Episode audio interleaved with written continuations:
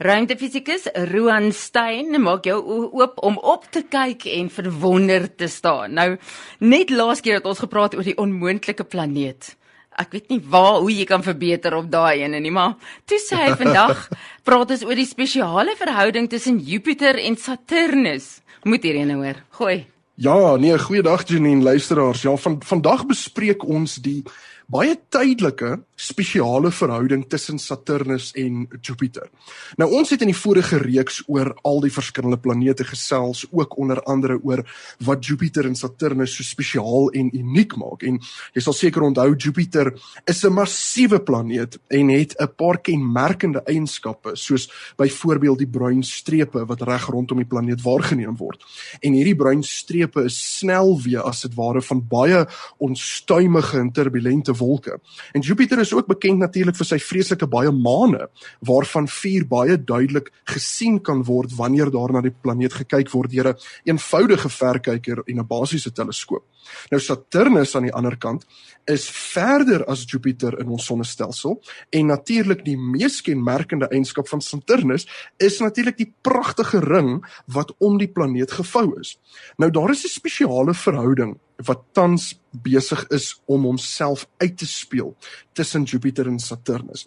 Die 21ste Desember 2020 en 'n paar dae daarna sal Jupiter en Saturnus so naby aan mekaar vertoon um, van die aarde se perspektief dat dit amper sal lyk asof hulle 'n dubbelplaneetstelsel is. Dit wil sê hierdie twee planete gaan nader aan mekaar vertoon as die wyte van 'n volmaan.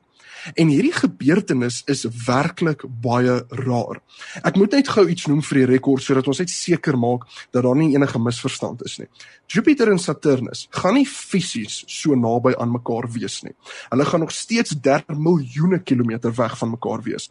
Maar van die perspektief van die aarde gaan hulle mooi oplyn en lyk asof hulle reg langs mekaar is alhoewel Saturnus nog steeds heelwat verder van die son is as Jupiter en die twee planete bly nog steeds steeds binne hulle eie wentelbane. Nou die belyning van hierdie twee planete gebeur min of meer elke 20 jaar. Maar elke belyningsgebeurtenis is natuurlik verskillend omrede die relatiewe skeiding tussen die twee verskillend kan wees elke keer.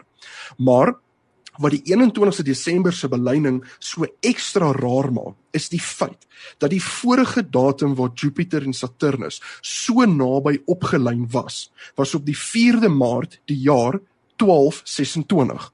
Nou dit is amper 800 jaar terug. Nie eens Galileo Galilei in die 17de eeu het die twee planete so naby aan mekaar waargeneem nie. En hy was die vader van Jupiter as dit ware as gevolg van al die navorsing wat hy gedoen het en opgeskryf het aangaande die massiewe planeet. Nou hierdie gebeurtenis om hierdie planete so waar te neem is werklik soos mense in Engels sou sê a once in a lifetime experience. En die volgende keer wat hierdie belyning gaan plaasvind is in die jaar 2080 en dan daarna eers weer in die jaar 2400. En hierdie interessante spesiale en unieke ruimtelike gebeurtenis het my regtig aan twee dinge laat dink. En soos daar geskryf staan in Romeine 1:20, want hulle kan sy onsigbare eienskappe, naamlik sy ewige krag en sy goddelikheid, reeds van die skepping van die wêreld af duidelik uit sy hande werk waarneem. En wanneer ek nou hierdie vers in konteks plaas, dan val daar twee baie spesifieke dinge my by. Eerstens, hier sit ons met 'n voorbeeld uit die natuur wat net weer eens vir ons wys hoe kortstondig ons lewens op die aarde is. Ons het nou net gesien dat die vorige keer wat hierdie gebeur het, was in die 13de eeu en dit gaan eers weer in die 25ste eeu gebeur, na 2080. En ons almal weet ons gaan nie hier wees om daardie een te observeer nie. En daardie feit ruk my hart en herinner my net dat die mens se tyd is nie dieselfde as die natuur se tyd nie. Ons is werklik net hier vir 'n oogwink en ons moet seker maak ons sake is reg en seker maak dat wanneer die Here ons kom haal, dat ons wel ons lewensdoel bereik het en dat ons wel saam met hom gaan wanneer die tyd kom. En die tweede ding wat my byval is die volgende. Ek wonder wie het hierdie astronomiese gebeurtenis waargeneem in die jaar 1226?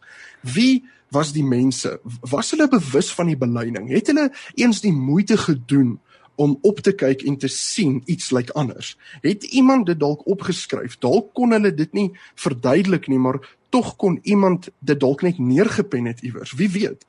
En die ontwerp van die teleskoop was eers heelwat later as die jaar 1226. So kans is goed dat niemand dit destyds deur 'n teleskoop waargeneem het nie. Maar op 'n manier is ons gekoppel aan daardie mense. Die mense van 1226 en die mense van 2020 deel nou 'n ruimtelike skouspel wat geen generasie tussenin kon waarneem nie. En dit laat my toe dadelik aan die Heilige Gees dink. Die fisiese wêreld werk so dat sekere dinge net elke 1000 jaar gesien kan word. En dalk ook nog bo-op dit net deur 'n sekere hoeveelheid mense van daardie generasie. Maar die Heilige Gees is vir ons almal. Die Heilige Gees is oor ons uitgestort nadat Jesus opgevaar het na die hemel toe en sedertdien Maak nie saak in watter eeu jy geleef het nie. Maak nie saak waar jy op die aarde was nie. Maak nie saak van watter generasie jy deel was nie. Die Heilige Gees was daar vir jou al die tyd. Reg deur die vroeë eeue, die middeleeue en tot vandag in die moderne era. So ten slotte Janine, Dit is wonderlik hoe iets wat in die ruimte gebeur ons net weer kan herinner aan dit wat ons eintlik klaar weet. Maar ons as mens moet maar gereeld herinner word van die almagtige krag van ons liewe Here. Ek wil een ding by jou byvoeg, want hierdie belyning waarvan jy nou so praat, laat my dadelik dink aan volheid van tyd.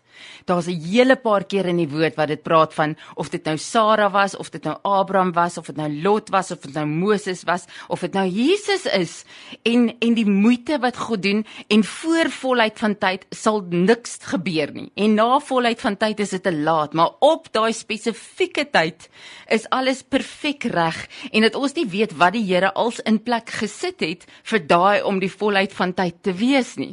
En ek dink ons onderskat dalk die wonderwerk van iets wat 'n volheid van tyd is. Want ek, as jy my nie vertel het van die 21ste se belyning nie, sou aangegaan het met my lewe en nie eens bewus gewees het van hierdie klein wonderwerk wat daar bo in die lugruim gebeur nie. Maar jy het ons nou vertel, so nou is ons bewus daarvan, maar ek dink daar's soveel goed wat die Here in ons lewens doen wat nie kon gebeur vroeër nie. En nou bid ons vir iets soos iemand om tot bekering te kom of iemand om op te hou drink of wat ook al die ding is wat die probleem is. En ons is nou al 12 jaar later ja, ja. en ons bid nog steeds en is nou al 20 jaar later en ons bid nog steeds, maar die Here vat elke sekonde en dan presies op die regte tyd is alles in lyn. Is daar genoeg saad gesaai? Is dit genoeg nat gelei? Is daar genoeg pyn deurgegaan? En dan is daar 'n deurbraak want dit is die volheid van tyd. En daai belyning wat jy nou van praat is soos 'n hemelruim wat skree kyk net hoe goed is ons Here.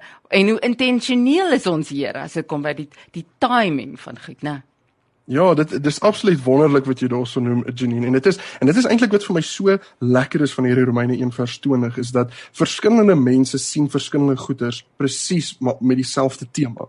Dis vir my so lekker want ek het nou 'n paar goed ervaar.